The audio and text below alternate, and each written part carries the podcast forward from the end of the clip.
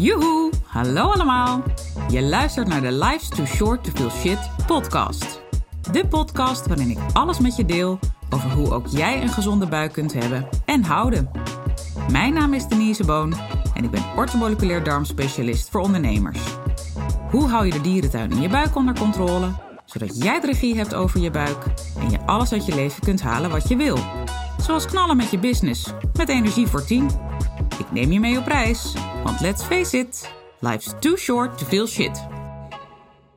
Yes, daar zijn we weer. En ik begin weer lekker te jodelen. Aflevering 19 van de Life's Too Short to Feel Shit podcast. Dit keer met de histamine-intolerantie in de spotlights.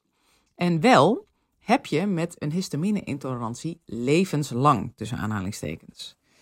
Ook weer een prikkelende kop. Ik ben daar erg van, zoals je misschien inmiddels wel door hebt.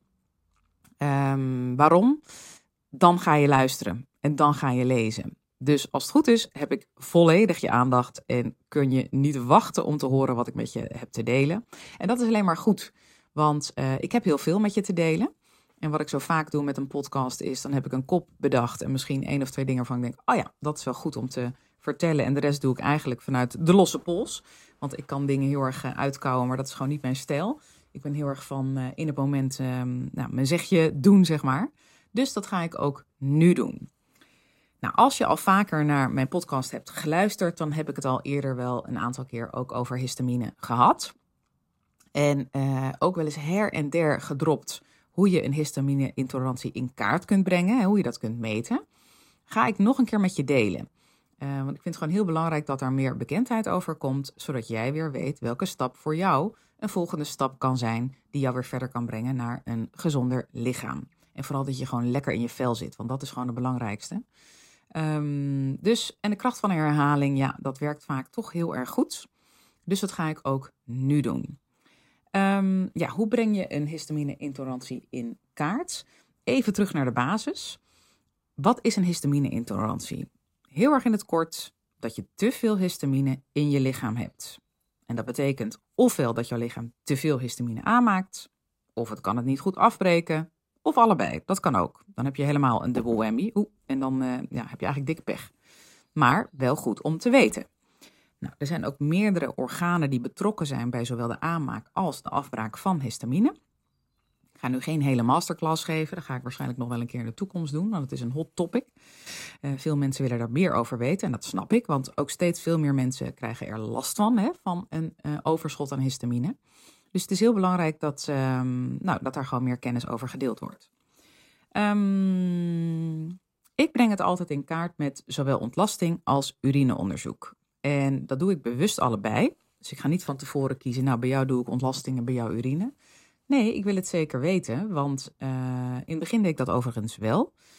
Maar toen kwam ik regelmatig in de praktijk tegen dat ik echt na mijn hand in het vuur had gestoken voordat bij die klant de histamine in ontlasting verhoogd zou zijn. Want diegene had onder andere last van een opgeblazen buik. Nou, dan moet het ongeveer wel hè, daar lokaal in die darm uh, verhoogd zijn, was toen mijn hypothese. Uh, bleek dat die heel mooi laag was, maar toen we vervolgens alsnog urineonderzoek deden, dat die verhoogd was. Nou, en als je hem dan mist, ja, dan is eigenlijk je, je meting niet volledig. En ook je behandelplan en je voedingsadvies is dan ook niet volledig. Want dan zou je die histamine helemaal missen. Zou iemand alsnog, hè, die gaat gewoon uh, keurig aan de slag met, uh, met een behandelplan. En merkt, ja, ik kom toch niet van die opgeblazen buik af. Of ik blijf reageren op voeding.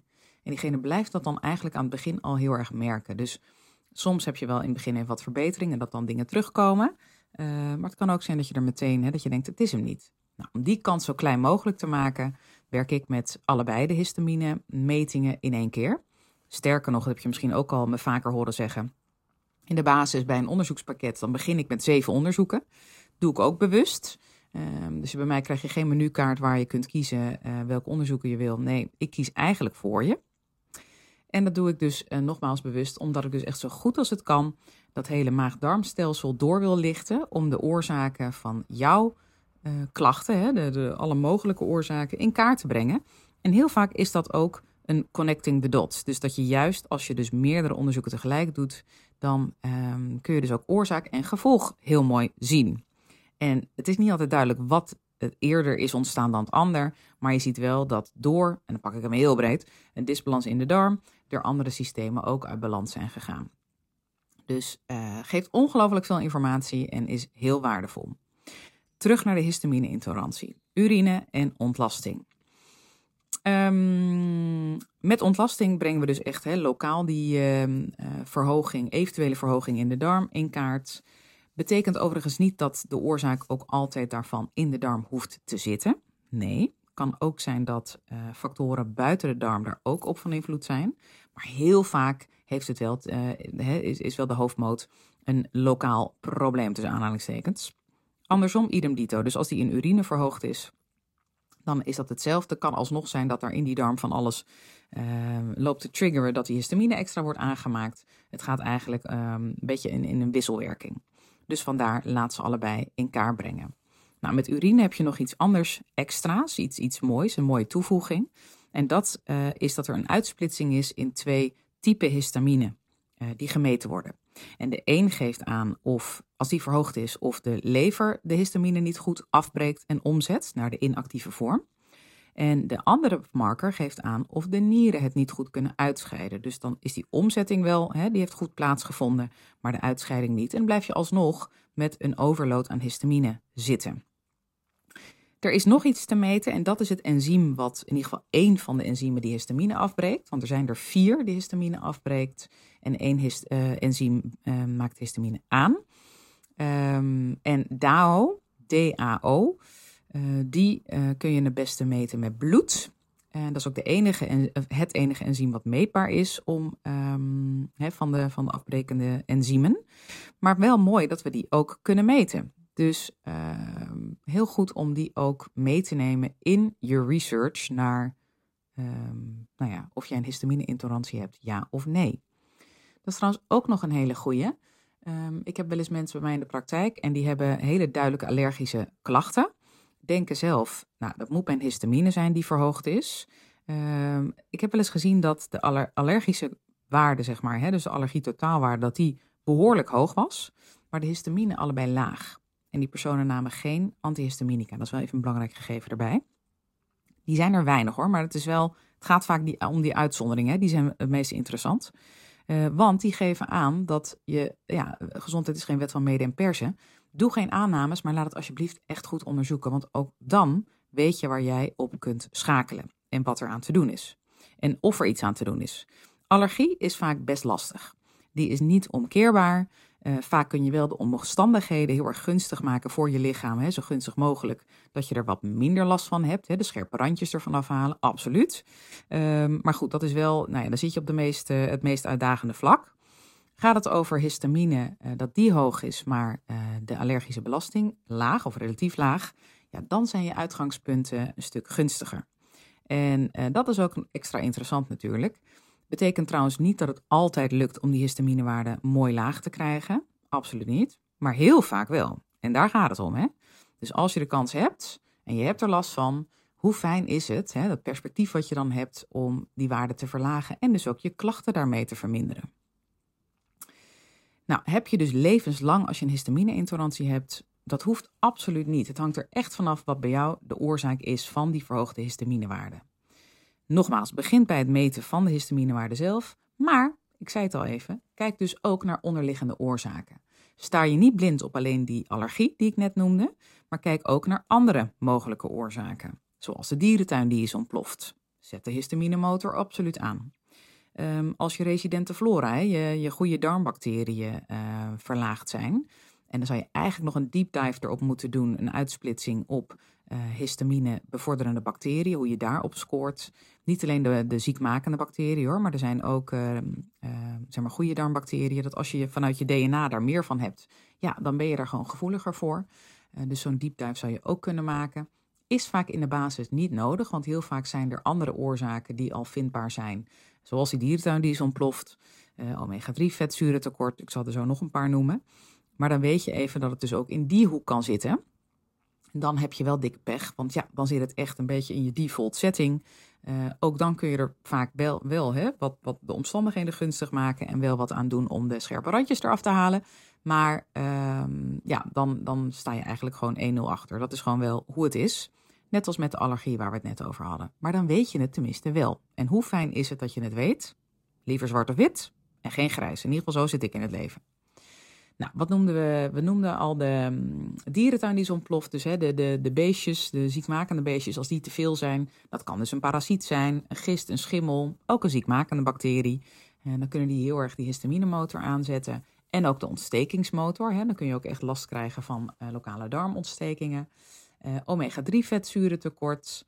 Uh, vitamine D tekort.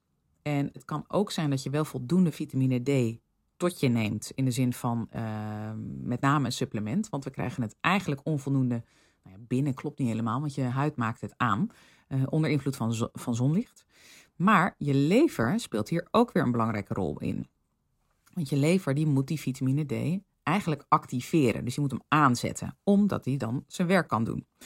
Dus je kan wel uh, goed in je D zitten, maar als die lever die activering niet goed doet, ja, dan heb je alsnog eigenlijk niets, of in ieder geval niet voldoende, aan die D die jij keurig loopt te slikken. Dus dat is ook even nog een, uh, een belangrijk punt. Um, met betrekking tot die histamine-intolerantie, de vitamine D-waarde, maar dus ook dat die lever die omzetting goed moet uh, doen, moet plaatsvinden. Je kan ook elke dag enorme histaminebommen eten of drinken. Ik pak even een uh, gekscherend voorbeeld erbij, maar wel een die ik vaak ook in de praktijk hoor. Stel voor, jij eet regelmatig of drinkt regelmatig een groene smoothie met banaan, avocado, spinazie. Kan ik nog meer verzinnen? Nou, laten we het hier maar even bij houden. Uh, hè, je bent goed bezig. En um, wat kun je nog meer erop doen? Dan top je hem af met wat zonnebloempitten en wat sesamzaad. Want hè, dat is goed om lekker op je smoothie te kouwen. Is goed voor de vertering. Dat is trouwens sowieso zo. Uh, op dat moment eet je een enorme histaminebom. Want alle vijfde dingen die ik net noemde zijn allemaal histamine rijk. Of zetten histamine vrij zodra hè, het, het eten in het lichaam uh, zit. Dus ja, dan ben je gezond tussen aanhalingstekens bezig. Maar voor jou is dat op dat moment niet zo gezond. Als je dat heel vaak doet of heel regelmatig doet, of je eet lekker vaak oude kaas. Hè, in principe, hoe, hoe ouder een voedingsmiddel is, of hoe langer het gerijpt heeft of gefermenteerd is, hoe meer histamine het bevat. Maar goed, dat is niet altijd te zeggen, hè, want een tomaat is ook histaminerijk. Nou, uh, hangt die nou langer aan de plant dan uh, een komkommer? Nee. Uh, althans, dat weet ik trouwens niet of dat zo is, maar je snapt een beetje mijn punt.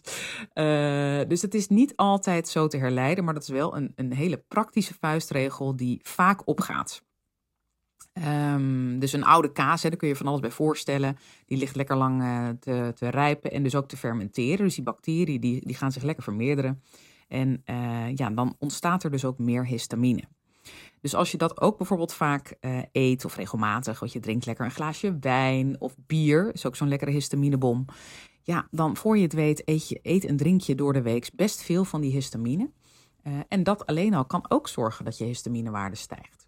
Meestal gaat het wel gepaard met een van de andere oorzaken overigens. Uh, maar dan weet je even nou ja, waar je zoal aan, aan kunt denken.